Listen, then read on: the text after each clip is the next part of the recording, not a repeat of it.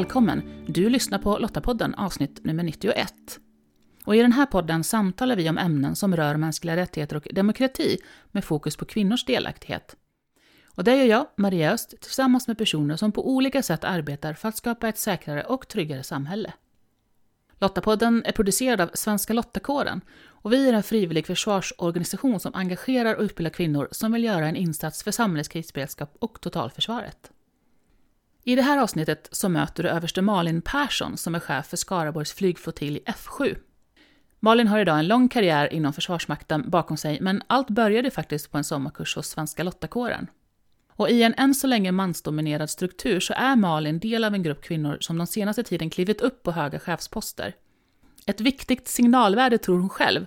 Och häng med, så får du höra varför hon tycker att vi kvinnor inte bara kan åka räkmacka, utan faktiskt måste dra vårt strå till stacken när det gäller försvaret av Sverige.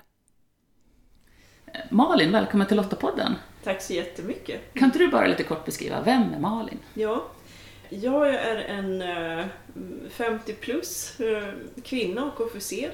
Och jag kom på det, jag har varit anställd sedan 1992 i Försvarsmakten så att det är inte jättelångt kvar till NITO eh, redlighet i rikets tjänst och det känns ju väldigt bra. Eh, jag började min bana på F4 Östersund eh, och eh, det jag gjorde lumpen och sen så haft en karriär inom strilsystemet, stridsledning och luftbevakning i luftförsvaret och incidentberedskap. Och jag har gjort lite olika befattningar och steg där innan jag växlade över till chefsbanan och varit chef för olika avdelningar och enheter. Eh, och även jobbat på högkvarteret eh, på, inom eh, nationella och internationella insatser. Och jag har läst de skolor som man läser och jag har också läst utomlands på franska krigshögskolan. Det ett och ett halvt år och jag har varit i Mali i ett halvår och varit chef för ett FN-bidrag där. Och så har jag jobbat här på F7 i förbandsledningen. Först som ställföreträdare och nu sen i somras som chef över det här förbandet. Och vad var det som gjorde att du sökte dig till Försvarsmakten överhuvudtaget? Ja, men grejen var den att efter gymnasiet så visste inte jag riktigt vad jag ville göra och eh, jag jobbade på en mängd olika jobb. Jag försökte att fundera ut vad jag skulle göra och eh, sen så av en händelse så såg jag en sån här annons om en sommarkurs, det var faktiskt i Lottakåren. Och då tänkte jag, men det där kan jag testa för att det var, man fick ju resa och uppehälle och allt sånt där. Det verkar spännande. Så då gjorde jag det och det var inom, eh, alltså i samarbete med marinen i Karlskrona. Eh, så var jag där på Lottakurs två veckor och det var fantastiskt kul. Alltså de tjejerna som var där, kamratskapen var helt ja, superrolig. Det var roliga ämnen, bra befäl som lärde ut på ett bra sätt. Man kände sig som en del i en gemenskap eh, som var ja, men väldigt annorlunda vad jag var van vid sen tidigare. Eh, så att jag kände wow, det här var ju hur kul och spännande som helst. Jag ska bli militär. Så, så det var grunden mm. till mitt beslut, mm. där då och då. Mm. Och med tanke på att du fortfarande är kvar så tänker jag, det här har du ju inte ångrat? Nej, absolut inte. Och det är fortfarande mitt drömyrke. Sen mm. kan jag också känna att det är lite synd, det är en del andra yrken som jag hade velat prova på. Men, men jag ångrar inte de val som jag har gjort mm. och den karriär jag haft hittills. Tvärtom. Och jag tänker, vad är det då som, som gör att du är kvar? Vad är det för någonting du får med dig som gör mm. liksom att ja, men här vill jag stanna, här mår jag bra, här vill jag fortsätta utvecklas? Ja, men det är ju det är flera olika delar. En av de delarna är ju att eh, jag känner att jag jobbar med skarpa uppgifter. Alltså jag jobbar med någonting som eh, är en stadga i, för Sverige och Försvarsmakten. Det vill säga att ja, men, jag är som en garant för, vår, för freden. Det är min uppgift att säkra fred och frihet för Sverige och att vi vi kan eh, men välja att göra precis som vi vill. Vi, vi har det valet, det är ingen som bestämmer mm. över oss och freda demokratin. Mm. Och det är en jätteviktig del av. Eh, och det, för mig så känns det väldigt motiverande. Eh, och dessutom vet jag att det vi gör här, vi övar ju för skarp verksamhet mm. hela tiden. Så det är mm. inget hittepå eller låtsas. Utan det som, som vi lär oss och det som jag utbildar personalen till, det kommer till riktig användning. Mm. Det tycker jag är motiverande. Mm. Det är det ena. Sen det andra är ju också det som jag upptäckte på den här Lotta utbildningen där att eh, det här med uniformen, uppgiften, gemensam uppgift, det enar människor Mm. över alla gränser. Alltså man behöver inte ens tycka om människor men man kan faktiskt lära sig att jobba tillsammans med dem och uppskatta folk eh, för dess kompetens även om man inte vill umgås med dem privat. Och sen så är det massa fantastiska människor eh, som jobbar i det här yrket. Och det är allt det här sammantaget tror jag som gör att man är väldigt svårt att slita sig. Mm. Och Försvarsmakten är ju fortfarande relativt mansdominerat, Mm. även om vi ser att, att det sker en skillnad. Mm. Och ni är några stycken kvinnor nu som har tagit er igenom eh, chefsstrukturen Mm. och, och landat eh, relativt högt. Mm. Vad känner du eh, den vägen dit? Hur har den varit för dig som kvinna? Har det funnits skillnader? Jo men så här är det tror jag. Det kanske är så i min generation eller om jag nu bara ska prata utifrån mig själv. Men, men jag är ganska traditionellt uppfostrad på ett sätt. Eller traditionellt, men min mamma var alltid hemma när jag var liten och hon växlade upp i arbetstid allt eftersom vi gick i skolan men hon fanns alltid där hemma. Och har traditionellt sett tagit hand om en stor del av allt med eh, hem och familj. Och det har jag också gjort i mitt hem för att på något sätt så, ja, man blir färgad av det där. Och jag tror det är ganska många kvinnor som, som fortfarande ja, men känner ett större ansvar för, för hemmet och allt det. Och nu vet jag, jag, jag, vill, jag har jättemånga, både kompisar i min ålder och yngre, där det inte är så. Men, men jag själv har varit sån och tyckt att det har varit väldigt viktigt. Och det blir ju lite hämmande när man jobbar i en eh, verksamhet som är väldigt dynamisk. Det ställs krav på frånvaro och massa sådana här saker. Så att på något sätt så handlade det för mig om att kanske eh, ja, men, ha ett annat mindset. Att hitta andra vägar, nya vägar och att eh, tillsammans med familjen komma överens om att nej, men vi försöker det här. Eh, man måste nu vara beredd att ta det steget. Det tror jag är lite svårare för, inte säga alla kvinnor, men, men för en del av dem så, så upplever jag att det, det kan vara det. Mm. Och just under utbildning och möjligheter till, till en karriär, Mm. har du märkt skillnader där mellan dig som kvinna och dina manliga kollegor? Alltså ingenting som jag kommer på på rak arm. Eh, utan jag får nog ändå känslan av att eh, i flygvapnet i alla fall så är alltså kompetens och, och det här är, väldigt viktigt för oss. Och vi, det är ju ett yrke med mycket spetskompetens och djup kompetens. Och, nej, jag tror inte. Det är inte vad jag kommer på. Inget Mm. som jag kan säga idag i alla fall. Mm. Nu då när, när värnplikten är könsneutral och återaktiverad sedan några år och vi ser att det kommer in fler eh, kvinnor som gör värnplikten. Vad tror du det betyder för dem att de kan se förebilder som dig som har tagit sig eh, framåt och faktiskt är chef? Vet du vad, jag tror att det betyder jättemycket. Eh, Det har betytt mycket för mig genom åren när jag har haft någon att, att liksom se upp till. Man ser att wow, det är ju faktiskt en kvinna som har den i graden eller gör det här. Och jag har haft några befattningar här de senaste ja, 6-7 åren i alla fall på, på rätt så hög nivå där när man har gått runt i verksamheten så märker jag att både civila och militära kvinnor är väldigt stolta över mig. Mm. Eh, och tycker att det känns väldigt bra för att det finns någon att identifiera sig med. Mm.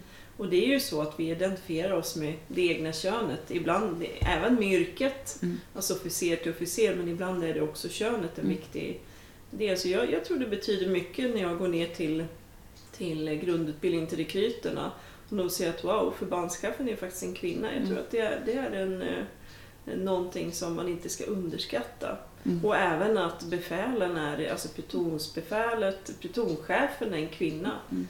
Det är klart att det är viktigt.